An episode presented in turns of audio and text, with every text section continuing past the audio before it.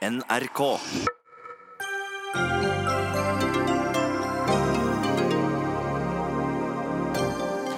Regjeringen lover å bygge et Norge for fremtiden i sin nye regjeringsplattform, mens Arbeiderpartiet lurer på hvorfor ikke de kan gjøre noe med ulikhetene i Norge først. Hva skjer egentlig med Storbritannias brexit-plan etter at statsministeren innkasserte en halv seier i Underhuset i går? Storbritannias ambassadør til Norge forsøker å gi svar i Dagsnytt 18.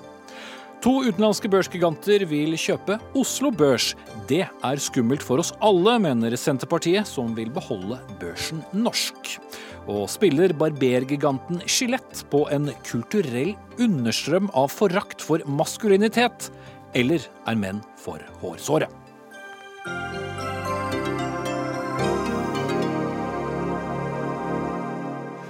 Da sier vi god kveld og velkommen til Dagsnytt 18 med Espen Aas i studio, hvor vi mot slutten av sendingen også skal eh, diskutere monarkiets stilling i Norge. Men la meg understreke kongen får beholde jobben inntil videre.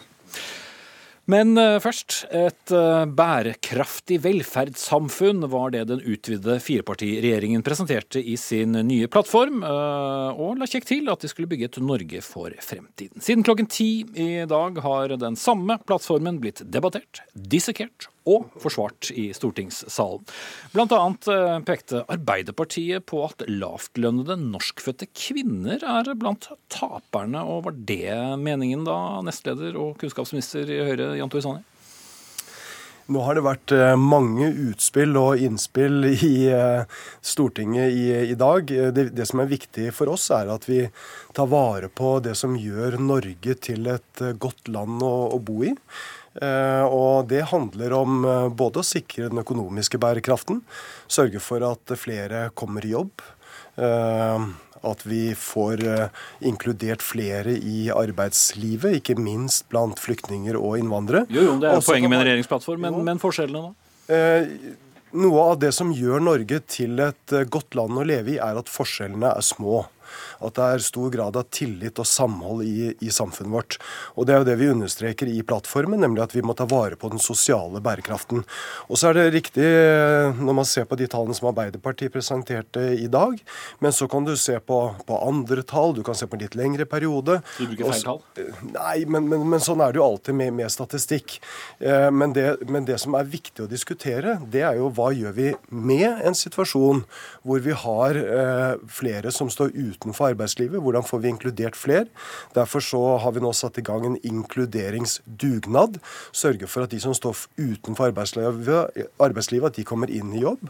Sørge for at vi får integrert flere flyktninger og innvandrere. og Det er nettopp derfor vi nylig har lagt frem en ny integreringsstrategi okay. som handler om utdanningsveien inn i arbeid. Men Nils Kristin Sandtrøen, stortingsrepresentant for Arbeiderpartiet, det dere var opptatt av, var ikke de utenfor arbeid, men de som var i arbeid. Men hadde dere valgt tall som, som passet litt til eget fokus? Vi eh, legger rett og slett fram tallene fra SSB.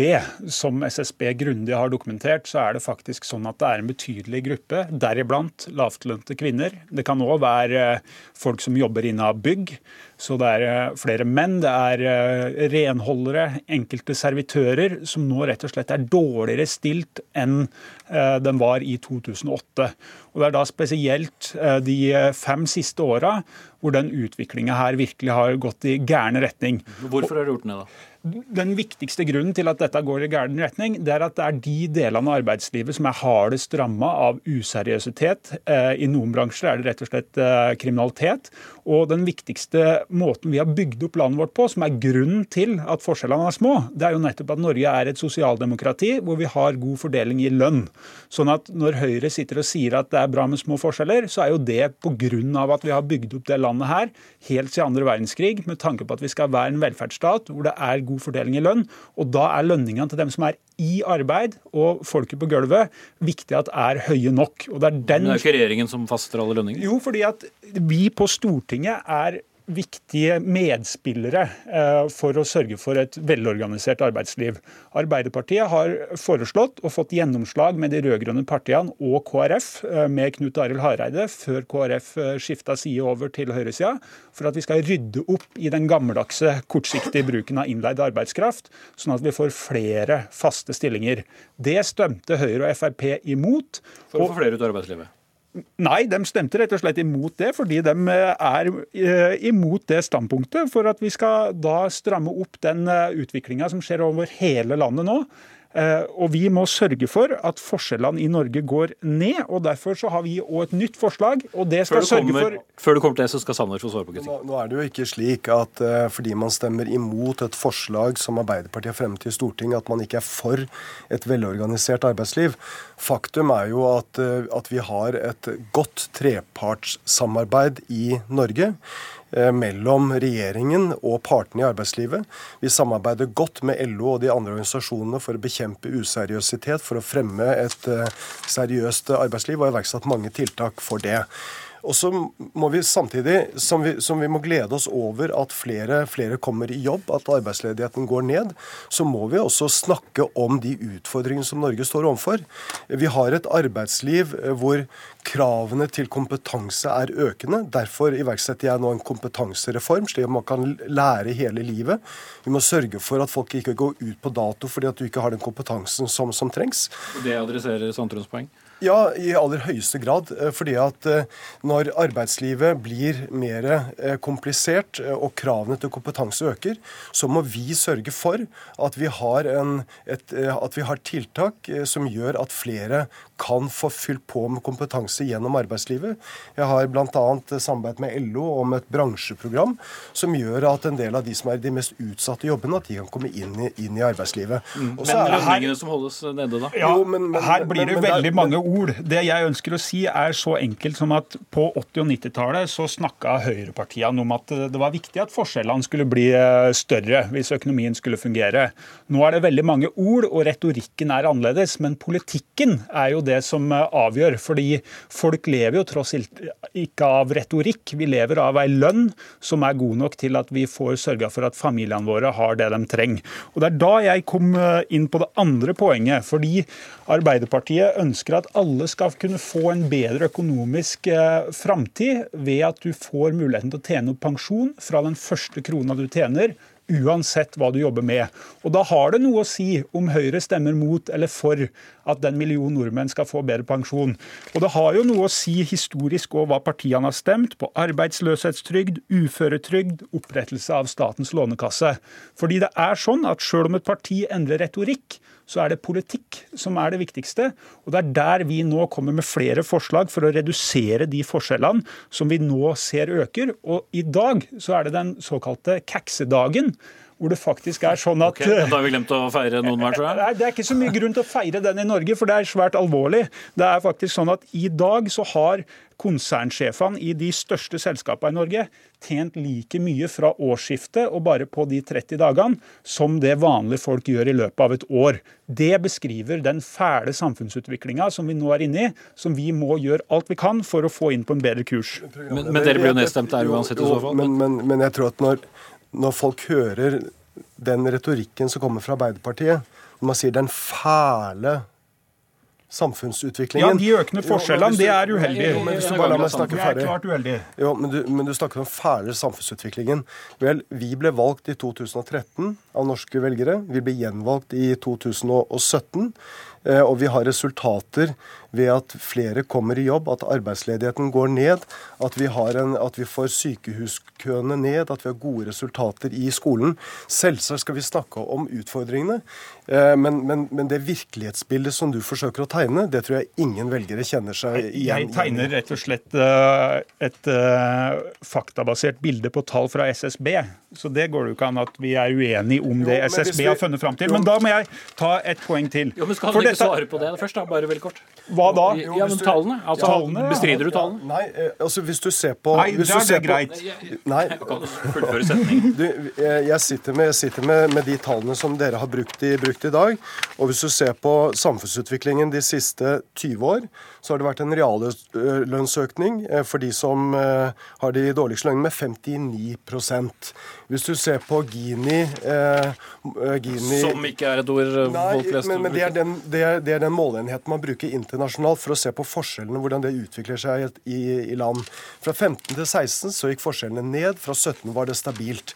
Eh, Men, men jeg ønsker ikke å fremstille det som at vi ikke har, har utfordringer. Det er derfor vi nå har satt i gang en inkluderingsdugnad, slik at folk som står utenfor arbeidslivet, eh, kommer inn i jobb. For det er jo utenforskap som er veien til, til, til fattigdom. Det, det er derfor vi har de satt det er derfor vi har satt i gang en integreringsdugnad, slik at flere innvandrere kan komme i jobb. Det er derfor vår regjering har sørget for at foreldre med barn i barnehagen som har dårlig råd, får gratis kjernetid fra to år og opp til, til, til seks år. En rekke tiltak som gjør at barn blir inkludert. Barn får være med i barnehagen. Barn får være okay, med i fritidsaktiviteter. Det er ting eh, som alle er enige om, og alle vet at eh, den rød-grønne regjeringa har satsa veldig mye på barnehager, men det er ikke det som er poenget i dag. I dag er det poenget i lønnsforskjeller. Og Det er derfor det blir så interessant å se hva som nå skjer både i Norge og ellers i verden med de økende forskjellene. For det, nå har vi mer enn nok kunnskap til å vite at når forskjellene går opp økonomisk mellom folk, så får det betydninga for den brede folkehelsa. Tilliten blir svekka, og vi vet at òg de landene med store forskjeller får mer kriminalitet. Så det er alvorlig. Og det er da jeg er veldig tydelig på at det er de praktiske eksemplene som teller. For når, når bussjåfører må skatte av sitt busskort, mens de rikeste kaksene får skattekutt i millionklassen, da er det ute, noe men gærent. Sanner må få svare til slutt. Jo, nei, men det, det er ganske spesielt at en fremtredende representant for Arbeiderpartiet eh, later som at det er han som bestemmer lønningene til folk. Nei, det er det er det jo ikke. Det er partene i arbeidslivet Ja, som bestemmer arbeidene. Og derfor gjør vi det. Vi har den norske modellen, godt trepartssamarbeid, høy organisasjonsgrad. Det er noe vi skal ta vare på. Det har gjort Norge til en av verdens mest omstillingsdyktige økonomier. Og det er det vi skal ta vare på i et godt samarbeid med Kristelig Folkeparti, Venstre og Frp. Og hvis noen vil ha en ja, åtte timers uh, gjennomgang av regjeringsplattformen, så er det bare å gå til Stortingets hjemmesider eller nrk.no. Mange friske utspill der. Takk til Jan Tore Sanner, nestleder i Høyre, og Nils Kristen Sandtrøen, stortingsrepresentant for Arbeiderpartiet. Dagsnytt 18 alle hverdager klokka 18.00 på NRK P2 og NRK2.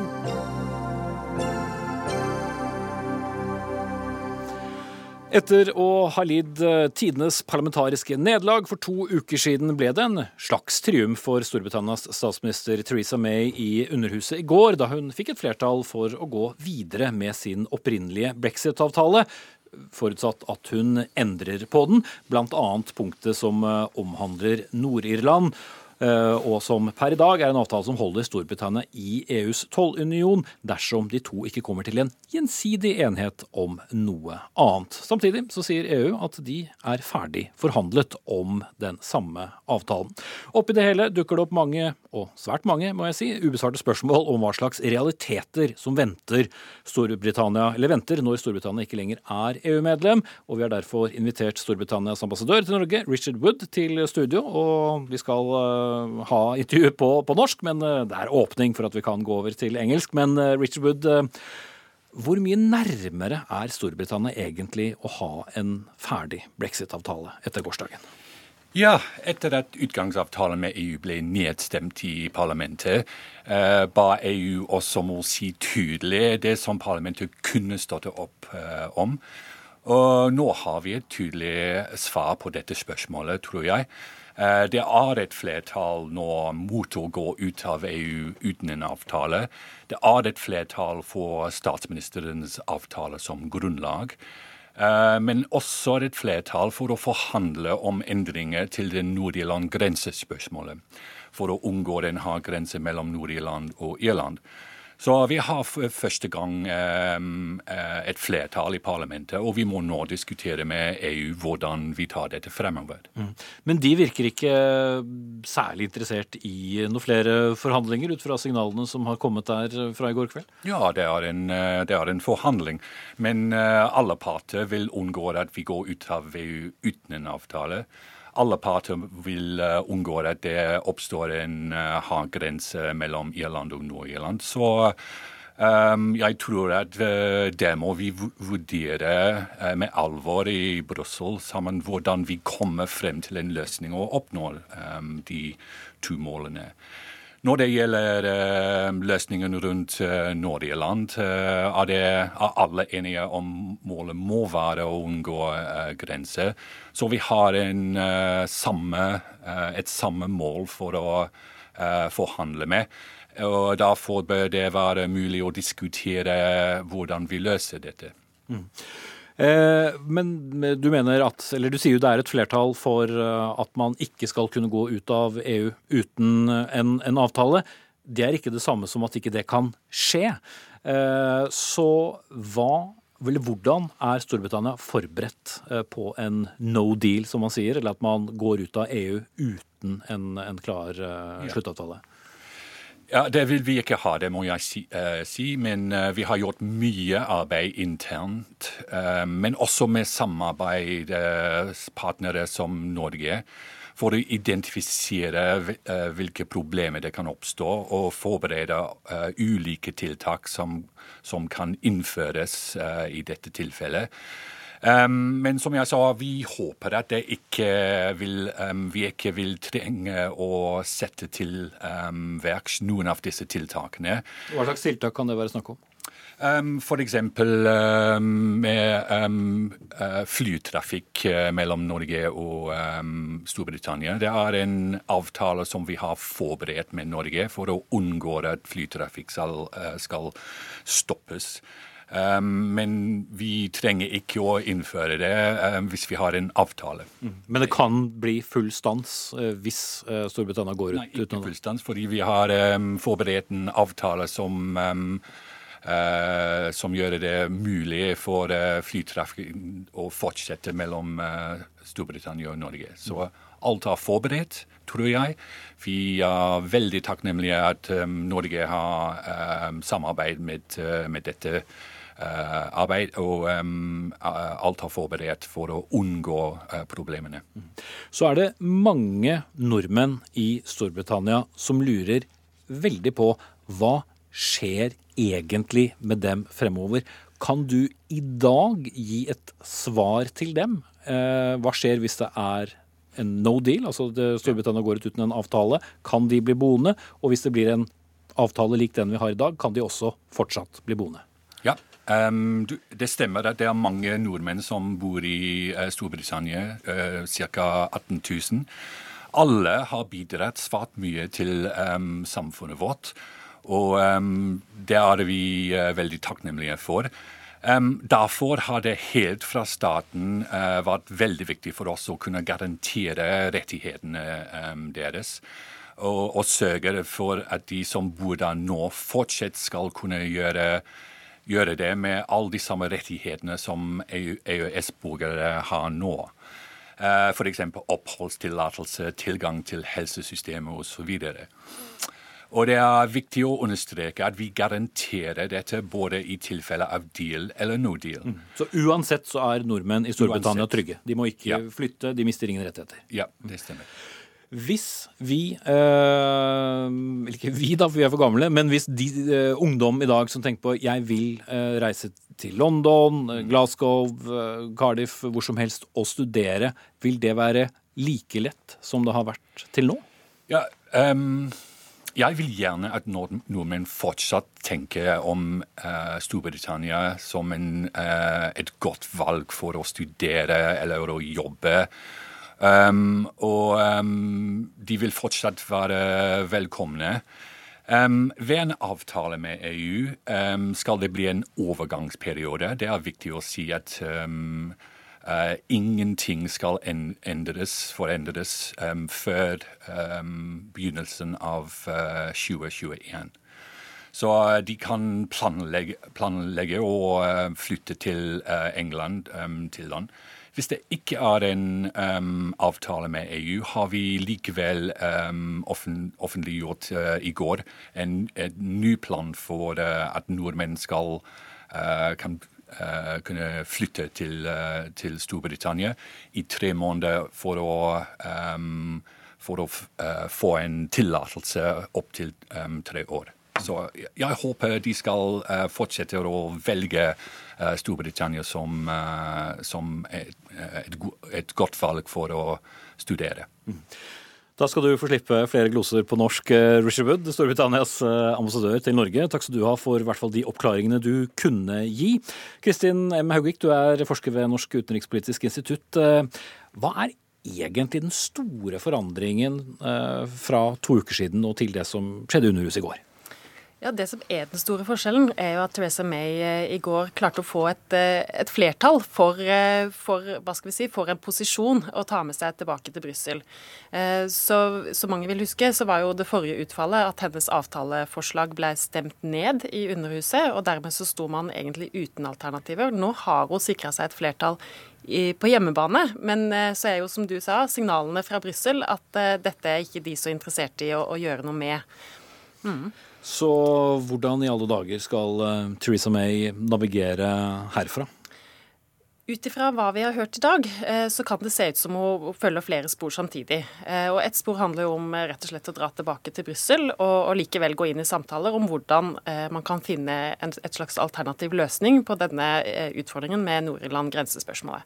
Men det andre sporet, som vi også har hørt i dag, handler jo om ulike måter å finne flertall på i parlamentet for forskjellige løsninger. Og En av de løsningene handler om en samtale som hun i dag har hatt med, leder for opposisjonen, Jeremy Corbyn, hvor man har sett på umuligheter muligheter. Og det sies jo derfra at man bl.a. har sett på mulighetene for eh, tollunion, eller diskutert det som en mulig løsning. Mm. Som ikke vil bli tatt eh, nødvendigvis så godt imot eh, blant de mest EU-skeptiske i hennes eh, egne rekker. Det er helt riktig, og det er jo det som gjør dette så uoversiktlig, egentlig. Fordi det hele tida er et, en prosess som foregår på flere nivåer. Og som statsminister så har jo egentlig Theresa May få andre muligheter enn det hun nettopp gjør nå, å utforske flere spor samtidig.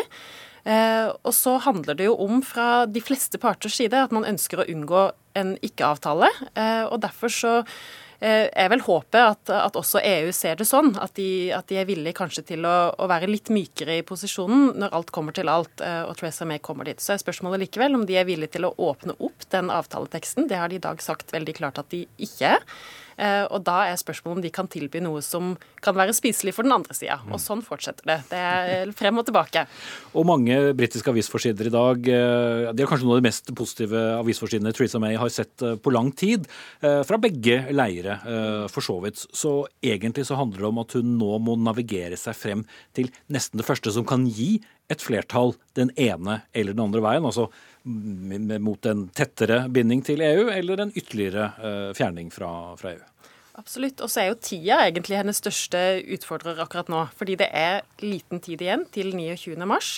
Eh, I går så var et av forslagene som ble stemt ned, var dette med å utsette eh, forhandlingsavtalen. Det kan jo komme tilbake på bordet hvis, det, hvis samtalene i, i Brussel ikke går i den retning man ønsker. Eh, men det er, mange spor som likevel ligger her, og det er vel egentlig ingenting som er helt, eh, helt borte fra, fra mulighetsrommet ennå. Mm. Det er en eh, thriller som vi skal følge tett videre. Takk skal du også ha, Kristin Haugvik, forsker ved NUPI, og også Storbritannias ambassadør Richard Wood.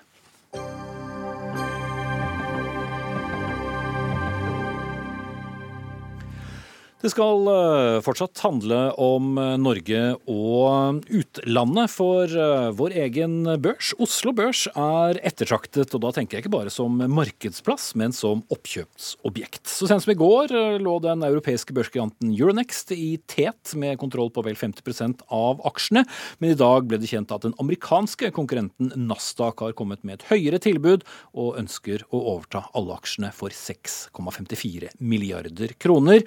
og Nasdaq er de norske eiernes favoritt, med DNB i spissen. Og det er også Oslo Børs favoritt. Eh, Bente Ransnes, eh, du er konsernsjef ved Oslo Børs. Hvorfor det? Jo, det er fordi vi, Altså det vi er mest opptatt av da, når vi først skal skifte eiere, det, det, er synligheten til de norske selskapene. Veldig mye av kapitalen til norsk næringsliv kommer fra utlandet. Og, det at selskapene fortsetter å ha en høy synlighet i forhold til det internasjonale markedet, det er, det er viktig for arbeidsplasser og, og, vekst i Norge. Mm. For hvis du skal da gi eh, seerne og lytterne våre et slags overblikk eh, For det er, ikke sånn at det er bare norske investorer som kjøper norske verdipapirer. Det er også mange store utenlandske investorer, og det er viktig å få penger inn i de norske selskapene. Ja, det er det. det er, I mange tilfeller så kommer kanskje 70-80% av kapitalen til, til veksten i næringslivet fra utlandet. Og, eh, og, da er det viktig å ha synlighet og ha et godt, eh, godt eh, verdipapirmiljø her i, i, Norge, som gjør at vi får fram selskapene våre. Og det blir en positiv forskjell ved å få utenlandske eiere? Vi har sagt at det vi gjør nå, Euronext har jo, har jo ønsket oss å gi et tilbud og eie oss. Og så kommer Nasdaq inn, som jo allerede eier de andre børsene i Norden. Eh, og du, du, kan ta en sånn enkel sammenligning. da, fordi Hvis du er en amerikansk investor og, og har lyst til å finne norske selskaper å investere i, vil det da være naturlig for deg å lete etter det gjennom en fransk plattform, eller vil det være naturlig for deg å lete det gjennom en nordisk plattform? Og, og vi mener at uh, synligheten til, det norske miljøet vil være, være langt høyere her. Mm. Men Senterpartiet er ikke så begeistret for dette. Og Sigbjørn Gjelsvik, du sitter i Stortingets finanskomité for nettopp uh, Senterpartiet. Uh, hva er dere redd for?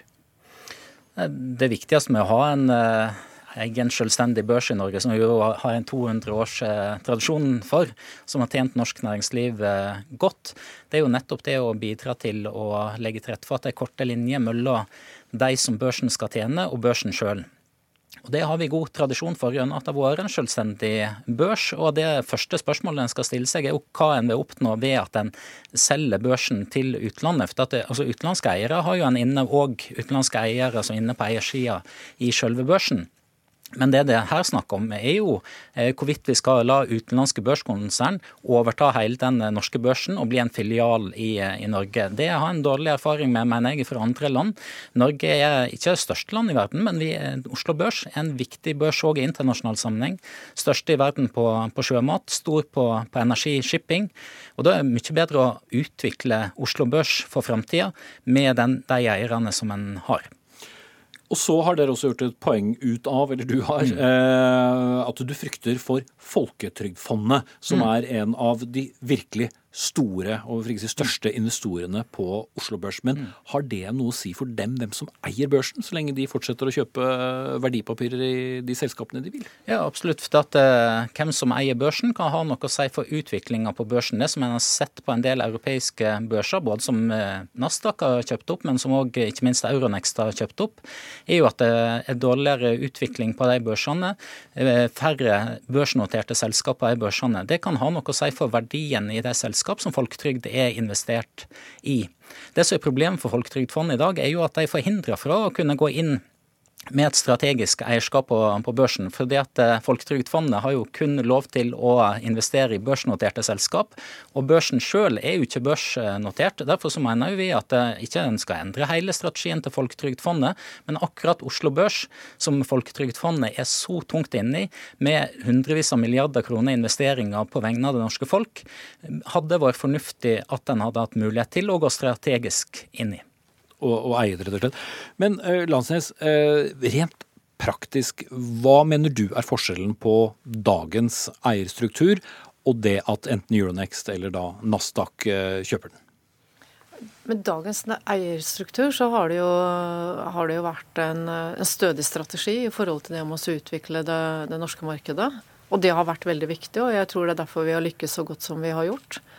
Og når vi da er i den situasjonen at mer enn 50% av våre eiere ønsker å selge oss, som, som, jo er utgangspunktet for at vi sitter her i dag Ja, For det er ikke sånn du kan bestemme dette, dette er Nei, det eierne som bestemmer? Dette er eierne som bestemmer. Så, og, og, vi oppdaget at, at, den prosessen i forhold til å finne nye eiere kanskje hadde vært eh, veldig begrenset. Så, så satte jo vårt styre i gang arbeidet med å se om det fantes andre og, og kanskje også bedre alternativer enn Euronext. Eh, og Det er jo det vi har arbeidet med, og det er det vi kommer ut med i dag. Hvor vi sier at vi syns at det tilbudet Nasdaq har, fordi de er veldig nordiske og de, de satser på en lokal strategi, at det, det er det beste tilbudet som, som vi syns vi kan levere både til det norske markedet og til bedriftene våre i forhold til den videre utviklingen og strategien. Og, og, dette er jo noe som også DNB og, og KLP støtter, som, som, store eiere. Og jeg tror nok mye av mye av bakgrunnen for oss å gå for det nordiske. Da. Fordi, fordi Nasdaq er ja et stort amerikansk konsern, men, men eierskapet til, til, Norden ligger i et eget selskap. Og, og, det er et tett samarbeid allerede mellom nordiske banker, nordiske tilsynsmyndigheter og, og nordiske politikere. Som vi føler kanskje også vil være en god garanti da, for at man videre har en god strategi for det norske markedet også. Men, men det som det som det her illustrerer, er jo svakheten med eierskapsstrukturen på børsen i dag. For at Det Euronext har gjort, er jo at de har gått bak ryggen på både styret og ledelsen i børsen, og de største eierne på børsen, DNB og KLP. Og så har han eh, sikra aksept fra mange småaksjonærer som ikke har et strategisk eierskap i, i børsen. Sånn er eh, kapitalismen? Man kan kjøpe og selge de jo, men, jo, men, jo, men da er det noe med sant? Eh, at en istedenfor bør velge å, å styrke det strategiske eierskapet for å beholde Oslo Børs. Altså Når en snakker om altså lovpriser Nasdaq nå, vel, jeg tror jo at de største eierne, sånn som DNB og KLP, har gjort det i gjendyda av nødvendighet i et valg mellom måneder. Altså, en skal huske at det er ikke mer enn tre år siden Nasdaq ble avvist av styret i Oslo Børs til å komme inn som, som eier. Så at istedenfor så burde en fått et tyngre strategisk eierskap. Kunne vært Folketrygdfondet, kunne vært andre store norske selskap som hadde sikra for ei utvikling av børsen, sånn som vi har 200 års tradisjon for i, i Norge, istedenfor å selge den ut av landet og gjøre det til en ren filial, enten for amerikanske eller europeiske eiere. Mm. Men landsdelsprosessen videre nå er vel rett og slett at uh, med mindre det skjer noe helt eksepsjonelt, så blir uh, Oslo Børs eid av uh, enten Nasdaq eller Euronext? Ja, det kan jo nesten se sånn ut nå. Eh, nå skal det jo være myndighetsbehandling av, av dette. Fordi eh, myndighetene må jo tillate noen å eie børs- og verdipapirsentral. Og det, det kan jo ta opptil fire måneder før de beslutter hvordan det skal se ut.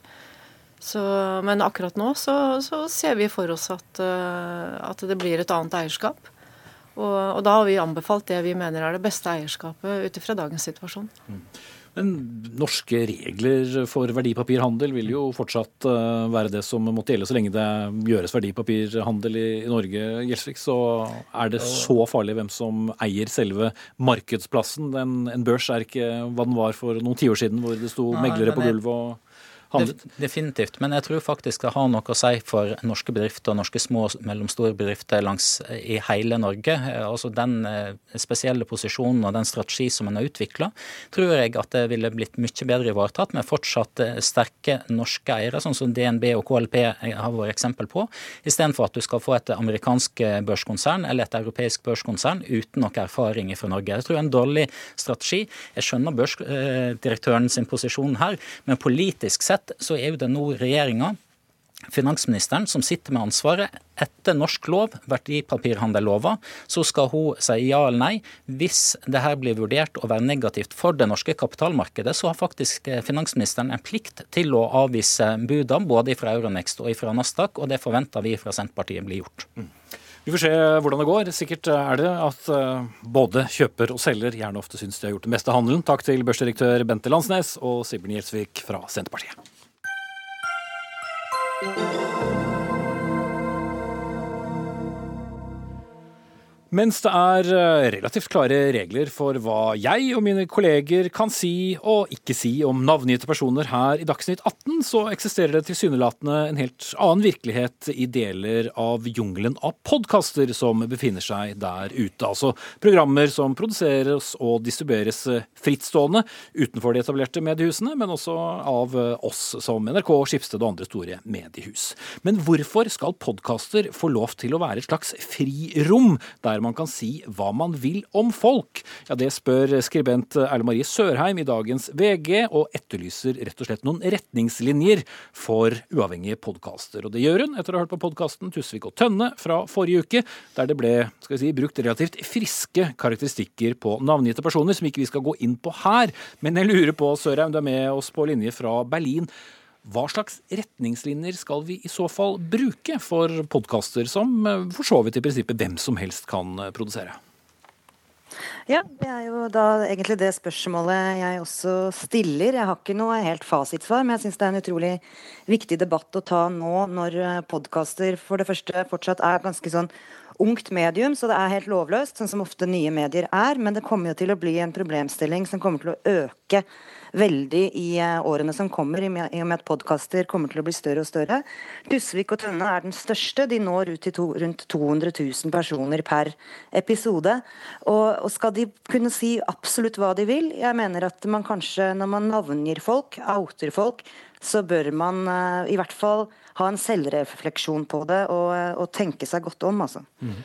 Eh, det har ikke lykkes oss i NRK å få verken eh, Tønne eller Tusvik Lise Tønne eller Sigrid Bonde Tusvik til å stille til debatt. Og vi skal heller ikke gå inn i enkeltdetaljer fra nevnte podkast. Men Morten Hegseth, du er journalist i VG og har da podkasten Harm og Hegseth sammen med kollega Vegard Harm.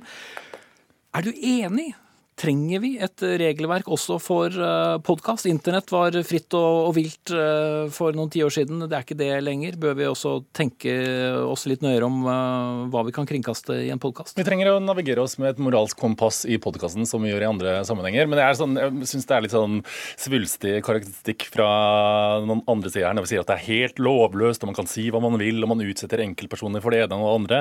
Nå tror jeg jo at Tusvik og Tønne er, har, opp, har skapt skapt mye, veldig mye samfunnsengasjement, både i forhold til likestilling, i forhold til innvandring. De har uh, gjort masse for at kvinner tør å mene noe. Så jeg tenker i sum så har Tusvik og Tønne vært en ekstremt viktig del i den norske debatten. Og nå er det jo sånn at podkast er et ungt fenomen, som vi sier. Det, vi har snakka veldig lenge om sånn hvordan, vi skal, hvordan vi skal få de unge tilbake til de tradisjonelle mediene, hvordan vi skal få ungdommen engasjert. Podkast har vært et veldig godt verktøy i den sammenheng. Og det er jo litt sånn at når, Nå må vi ikke rote det til? Eh, eh, nei, men greit. Når vi sitter her med dress i Dagsnytt 18 og kultureliten sitter fra Berlin og synes dette er forferdelig, så blir det litt sånn usexy. Og jeg syns det er litt deilig at vi har et format som er litt ungt, og som er litt lovløst, og som tar, strekker strikken litt lenger enn de andre formatene. Og det skal ikke være samme regler for eh, podkast Tusvik og Tønne som det skal være for Dagsnytt 18 eller Dagsrevyen. Det er forskjellige måter å oppføre seg på, på samme måte som at Nina Oving har andre regler og, uh, andre regler og et annet format å forholde seg til enn hva Markus Neby har i P3 Morgen. Og for å nå de unge så må man tørre å uh, strekke strikken litt. Man tørre å ta det litt lengre. Og jo da. Jo, ok, Men, men eh, moralsk kompass, hva i alle dager er det? Det handler vel om at man ikke skal eh, krenke andre, og at man ikke skal sørge for at andre mennesker har det helt forferdelig vondt. Og det mener jeg ikke Tusvik og Tønne har gjort. Og jeg syns jo det er litt sånn søtt at det er først når kultureliten blir kritisert, at kultureliten rykker ut og mener at dette er helt forferdelig. For oss som har hørt på Tusvik og Tønne i mange år, vi har hørt at de har hatt mye verre karakteristikker, har sagt mye verre ting om kjente folk i Underholdnings-Norge. Da har ingen reagert. Men når man begynner å snakke om folk som sitter med makta, da reagerer man. Og jeg tenker det er jo kanskje de som bør tåle det, da. Ja, da vender vi oss til kultureliten. Eh, Erle Marie Sørheim ja, på linje fra Berlin. Jeg tror nok uh, Morten Hegseth er et mer prominent medlem av den enn meg, for å si det sånn. Men jeg er jo ikke prinsipielt uenig med det han sier her. Uh, og jeg mener også at satire og humor skal ha andre regler, og vi skal ha veldig stor åpenhet uh, og, og la de kunne dra det langt. Og jeg mener heller ikke at Tusvik og Tønne Eh, må skjerpe seg på alle mulige plan. At de ikke skal kunne si masse stygge ord og ikke holde på sånn som de egentlig holder på med generelt hele tiden. Men er det ikke noen grenser? Det er, det, eh, er det ikke liksom noen ting som faktisk Altså det er jo, ja, har jo heldigvis det, de, de, går over, eh, de går over de grensene, sånn som f.eks. I, for, eh, i forrige ukes program.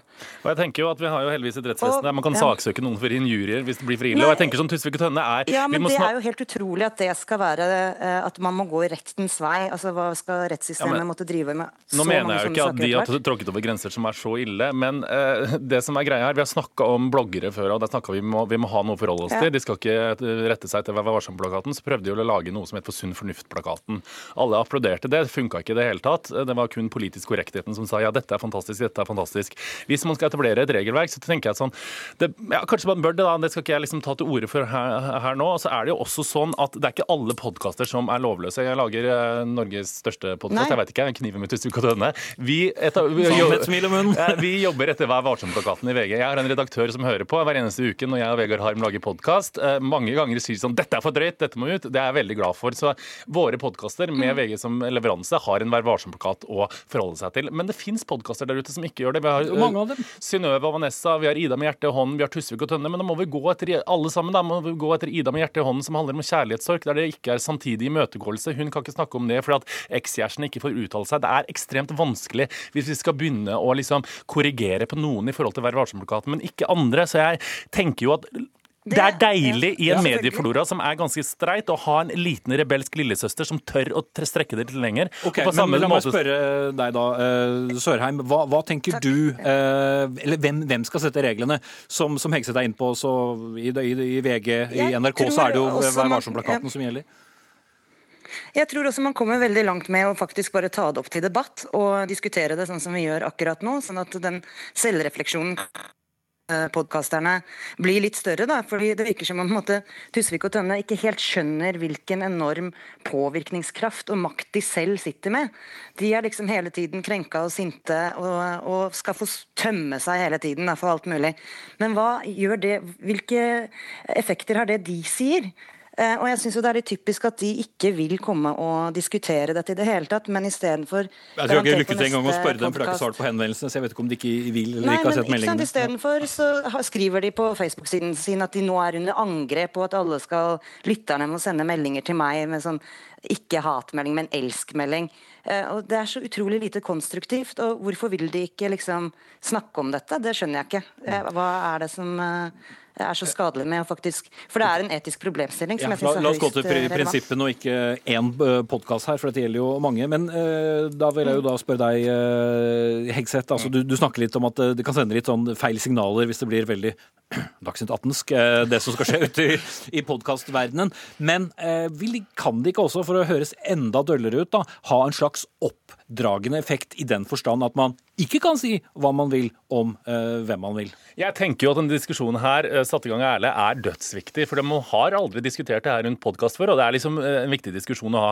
Nå tror jeg ikke at det, altså, det er ikke så svart-hvitt som Erle snakker om her. De fleste podkastene i Norge i dag, deriblant min, er underlagt Vær varsom-plakaten. Noen er ikke det. Og jeg mener ikke og det er det vi snakker om. Ja. Og det er det vi snakker om. Og jeg mener, tror ikke løsninga på det er å tvangssterilisere alle podkastene og si sånn du må følge våre regler. Jeg syns det er sunt at vi har folk som ikke nødvendigvis gjør som alle andre. Se på Natt og Dag, som er 30 år. Hvis, vært, du, hvis, du, finner et punktum nå, så rekker ja, De har opponert som bare det i 30 år og vært fantastiske. Og jeg tenker sånn, Den jobben gjør Tusvik og Tønne i dag, og jeg applauderer de, og jeg digger de. Sørheim. Ja, det er jo ikke noe sånn at jeg mener at Tusvik og Tønne skal endre stil radikalt. Eh, men jeg mener de har et ansvar som de bør være seg bevisst. Og eh, Noen ganger så går de kanskje over en strek, og, eh, og da bør de også på en måte være game nok til å stå for det. Eh, eh, hvis man blir skyldt for en ting i en podkast altså, eh, Ingen får jo mulighet til å svare for seg engang. Altså, det er 200 000 folk som de sier noe eh, om en navngitt person til, og den personen får ikke mulighet til å svare for seg overhodet. Er ikke det etter hvert, hvis dette blir mer og mer utbredt, et, et problem for den offentlige debatten? Det syns jeg. Det kan jeg være enig med deg så flott. Tenk at det endte med det. Takk til Morten Hegseth, journalist og podkaster i VG, og skribent og forfatter Erle Marie Sørheim her i dette gammeldagse dresskledde programmet. Hør Dagsnytt 18 når du vil. Radio NRK Radio.nrk.no.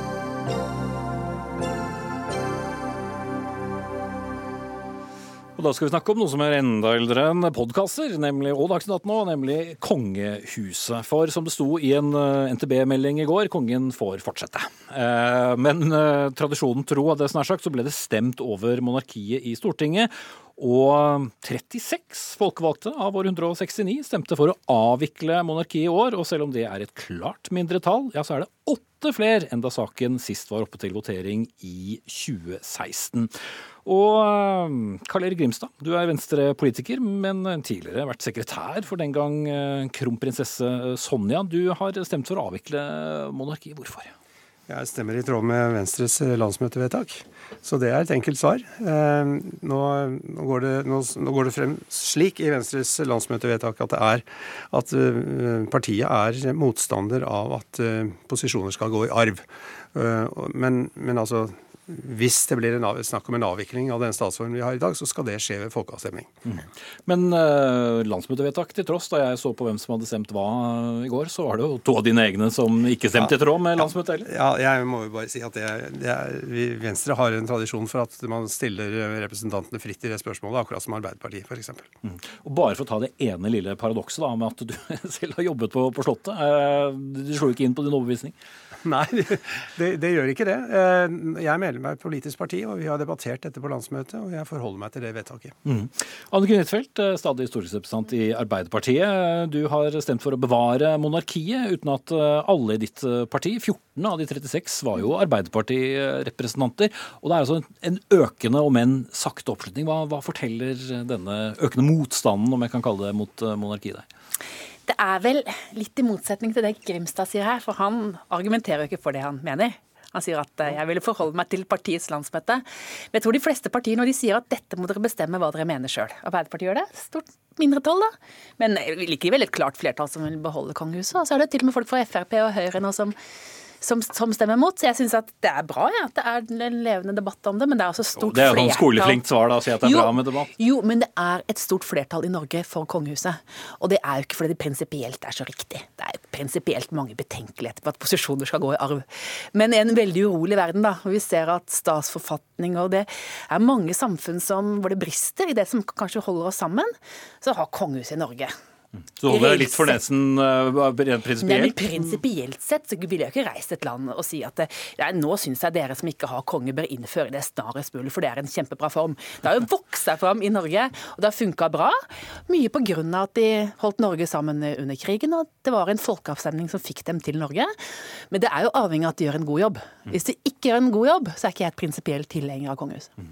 For uh, du er ikke misfornøyd med arbeidsinnsatsen til kongen og dronningen, Grimstad? Nei, altså på på, på, sine premisser så gjør, de en veldig, gjør de en veldig god jobb. Det er helt åpenbart. Som, men altså, det, det prinsipielle standpunktet er jo jeg ikke enig altså, jeg, jeg, er jo, jo prinsipielt uh, republikaner. Okay. Ja, det er ikke noe okay.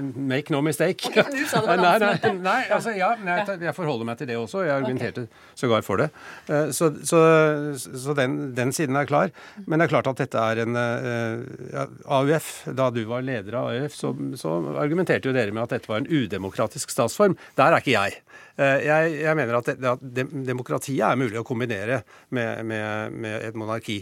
Men det er klart at uh, dette er en anakronisme i den situasjonen vi, vi er i nå. Vi, det er riktig å, å, velge folk til posisjoner i Norge, og det tror jeg det er veldig mange som mener, men som ikke tar standpunktet, rett og slett fordi eh, de er glad i enkeltpersoner i, i kongehuset. og og vil, ikke, og, og vil ikke fornærme noen sågar. Og det har jo til og med vært sagt på et tidspunkt hvor man ville utrede eh, en, en, konstitusjon i Norge.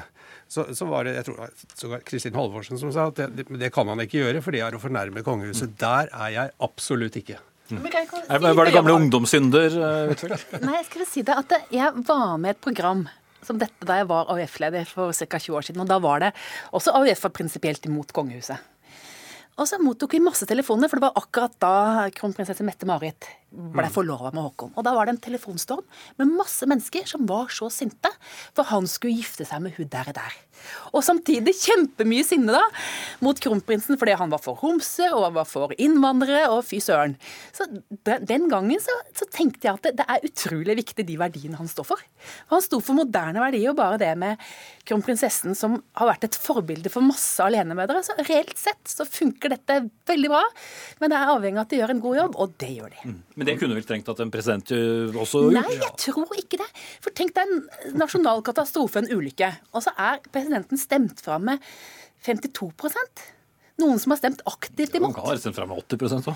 jo, men jeg tror det er med på at det er noe som er liksom felles. Men som sagt, hvis de gjør en god jobb, så mener jeg det er riktig at de fortsetter. Nå, nå er det jo ikke 100% oppslutning om eh, kongehuset her til lands, da. Eller, det er, det er... eller, i noen land vi liker å sammenligne oss med. Nei, altså på, og, og, I innstillingen til, eh, fra konstitusjonskomiteen så står det at de opererer med et tall på 67% som er tilhengere av monarkiet. Og så må vi huske på at 20-25 eh, år tilbake så var det altså noe sånt som Eller 30 år tilbake, da. Så var det noe sånt som 95% Altså, så de, Kongehuset har falt i popularitet mer enn Arbeiderpartiet. Jo, men, det sånn. var jo litt etter, men det handler jo om den rollen de spilte under krigen, da. Og da holdt jo nasjonen samla. Så Ja, det klart var jo- ja. det er jo større Jo da, og, og i mindre, men likevel, altså, vi så vel også det samme under, eh, etter eh, 22. juli, også at eh, kongehuset da viste seg som eh, en, en, en, en samlende kraft. Men eh, det motsatte, altså hva gjør vi da den dagen vi har en konge eller dronning, vet du hvor langt inn i fremtiden vi skal se, som, som gjør en, en dårlig jobb? Hva, Da hva, hva kan, vi det. jo, men hva- man kan ikke bare gjøre det med et pennestrøk. Da stemmer jeg med dem. Hvis det kommer en dag Ja, sånn. nei, men altså, det, det håper jeg inderlig ikke at du gjør, for, for vi vet ikke i dag hva, hva vi vil ha. Altså, Det er jo problemet med å, å, å, å Mm. fremme sånne uh, grunnlovsforslag. Vi vet ikke hva vi har foran oss. Altså, Det, det finnes omtrent like mange republikanske statsformer som det finnes republikker. Altså, vi, Vil vi ha en fransk ordning, en amerikansk, en islandsk, en finsk? Altså, det, det, er kjempe, det, er, det er et veldig interessant spørsmål. Hva er det som passer til Norge? Kanskje vi ikke burde ha presidenter i hele tatt? Kanskje vi skulle avskaffe For man ville ikke begynt med å avskaffe eh, et eh, monarki og så funnet på en annen statsform. Altså Skulle vi diskutert dette, så måtte vi hatt et alternativ før. Ja, og det, eh, ligger, og, det, og det ligger i forslaget her. at Da skal man ha en utredning, og så skal man ha en folkeavstemning. Og Det er jeg prinsipielt tilhenger av. Og det ser jeg i og for seg ikke noe galt i å stemme for, fordi det blir til syvende og sist folket som bestemmer. Hvis det hadde vært en folkeavstemning, så tror jeg det hadde blitt stort flertall for. Men det er noe med at prinsipielt vet du, så har du sikkert rett. Men hvorfor skal vi fikse på noe som egentlig fungerer veldig Ja. godt? Ja, Det er eh, det argumentet man blir møtt med hele tiden. Mm, og det er et godt Men argument. eh, ja, nei eh, Ja, det er Det er et godt argument. Det er et argument som holder inntil en, en viss grad. For når du begynner å plukke litt grann på det prinsipielle i det, så er det ikke bra. Og det, Men inn, inntil videre er kongen helt uh, konge, hvis jeg kan være så plump. Takk til Karl Erik Grimstad fra Venstre og Anniken Huitfeldt eh, fra Arbeiderpartiet. Hør Dagsnytt 18 når du vil. Radio NRK.no. Kanskje blir det en enda hvassere debatt nå. Små gutter som mobber, menn som griller og tafser på kvinnerumper, og gutter som slåss. Ja, dette er scenene som møter oss i en reklamefilm fra barbergiganten Skjelett. For nå vil Skjelett at menn skal skjerpe seg, rett og slett, og bli bedre. Eh, Er dette det beste en mann kan få? spurte Slett i sin nyeste reklamefilm, som har blitt sett av over 27 millioner på YouTube. Og Inger Merete Hobbelstad, journalist i Dagbladet, du likte denne reklamen. Fikk du lyst til å kjøpe barberhøvel? Vel, la meg si det på denne måten at eh, jeg ble overrasket av så mange ble så sinte på den.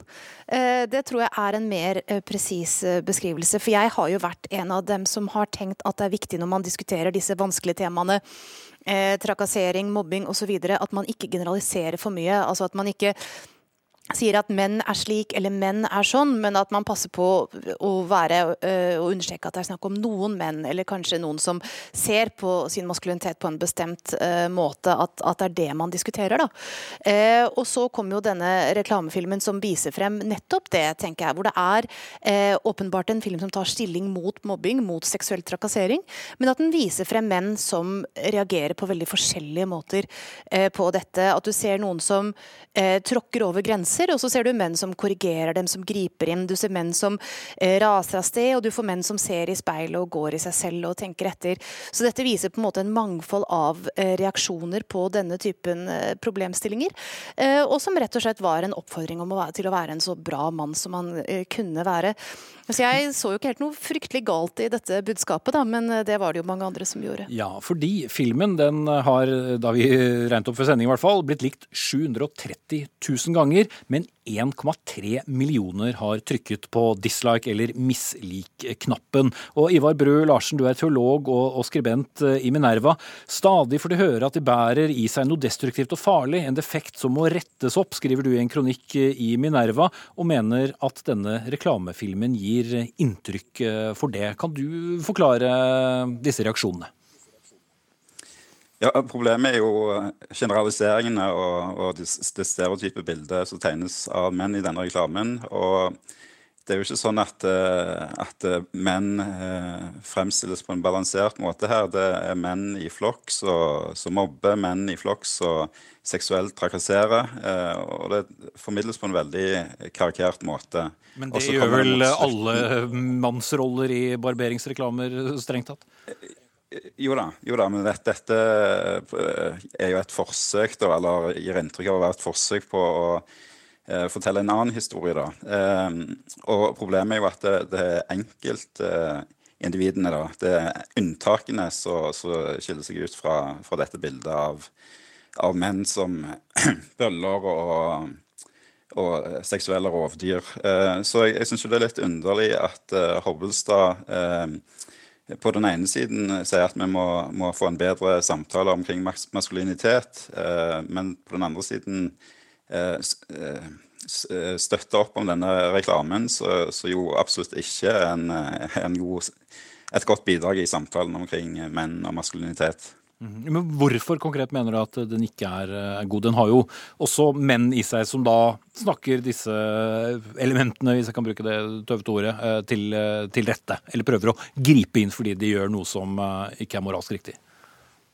Problemet er jo at dette er unntakene, og det går òg inn i en, en, jeg skriver, en kulturell understrøm av forakt for, for maskulinitet og for menn der det er er greit eh, å, å, si at en, en hater menn, sånn som så Sara Larsson gjorde det på, på Skavlan, og det eh, applauderes. Um, og Jeg tror òg denne reklamen eh, ikke virker etter sin hensikt. og Det viser jo noe av eh, reaksjonene på den. Um, jeg, tror de så, jeg tror ikke den fører til endra atferd, eh, men jeg tror det, den fører til sinne blant mange menn som opplever seg selv som, som tapere, som står kanskje utenfor uh, samfunnet, og, og, som blir sinte. Mm. Eh, Hobbelstad, for Det er jo det interessante spørsmålet med en, en, en reklame. Vil den virke etter hensikten? Det er vanskelig å si, men jeg merker jo også at denne beskrivelsen er jo også noe fortegnet. altså I de mange reaksjonene på denne filmen så er det jo også mange menn som har skrevet eh, kommentarer og analyser som er til støtte for denne filmen, som ikke på noen måte føler at det er deres eh, maskulinitet eller dem som, som blir eh, angrepet her. Og Det som igjen er litt underlig her, da, syns jeg, det er jo at det er mye av det som sies her nå som jeg kunne si meg enig i. Altså Jeg syns dette har vært et problem i, i debatten om kjønn i dag. Altså Ivar Bularsen nevner jo dette med at eh, Sara Larsson kan si at hun hater menn, og det blir bare latter i publikum i talkshowet. At man kan bruke hvite middelaldrende menn som skjellsord. Altså, dette, dette, stemmer jo, men når han snakker om denne filmen med at maskulinitet i seg selv blir fremstilt som noe negativt, og, og slike ting, så eh, lurer jeg på hvilken film han har sett. For her er det jo altså nettopp en beskyttende maskulinitet som egentlig er det som hylles da, i denne filmen. Det er jo de som, som, griper inn, og de som står støtt i slike situasjoner, som på en måte fremstilles som en slags forbilder her. Og jeg kan ikke se at deres oppførsel er umaskulin, da, eller ikke hører inn under det man kan kalle for en konvensjonelt mandig. Jeg tenker at dette er oppførsel som nettopp assosieres med styrke og mot, som Bu Larsen skriver at maskulinitet tradisjonelt uh, har gjort. Så her er det jo en slags konstruktiv maskulinitet som egentlig løftes frem, da. Eh, Leser du den feil, eh, Bu Larsen?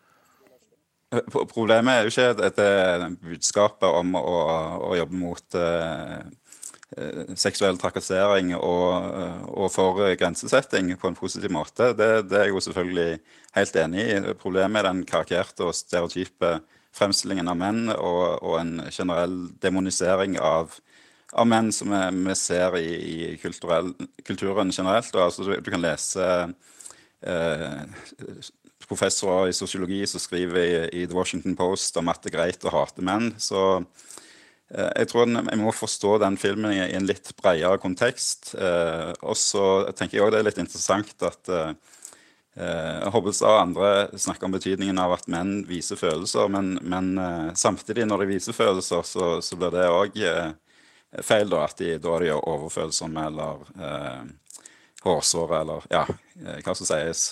så jeg syns det er litt sånn litt eh, overflatisk analyse som Hovestad kommer med.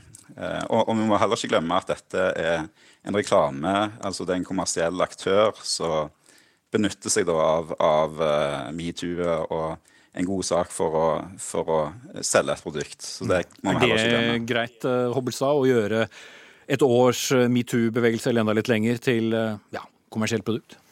Du, jeg tenker at dette er bare en ting i tiden. Vi ser eh, merkevarer etter merkevarer som på en måte går inn i samfunnsdebatten og bruker det som en måte altså selvfølgelig å få oppmerksomhet på, fordi det er blitt vanskeligere og vanskeligere å få.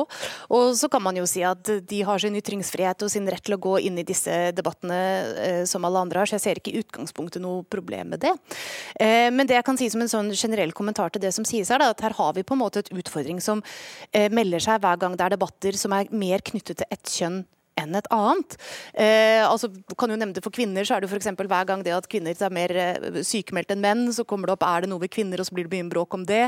Og i eh, spørsmål om seksuell trakassering så er det jo Der må man gå litt på line, ikke sant. Fordi både menn og kvinner opplever seksuell trakassering, men ganske markant flere kvinner enn menn sier at de har gjort det. Og Der må jeg det, så, stoppe deg, Ingrid Hobbelstad, for klokken går ut uansett om du prøver å overdøve meg. Takk skal du ha. Også takk til Ivar Bu Larsen. Andre forsøker vel bare å komme seg gjennom barberingen uten å skjære seg. Ansvarlig for sendingen Jaran Ree Mikkelsen, teknisk ansvarlig Eli Kyrkjebø. Her i studio Espen Aas.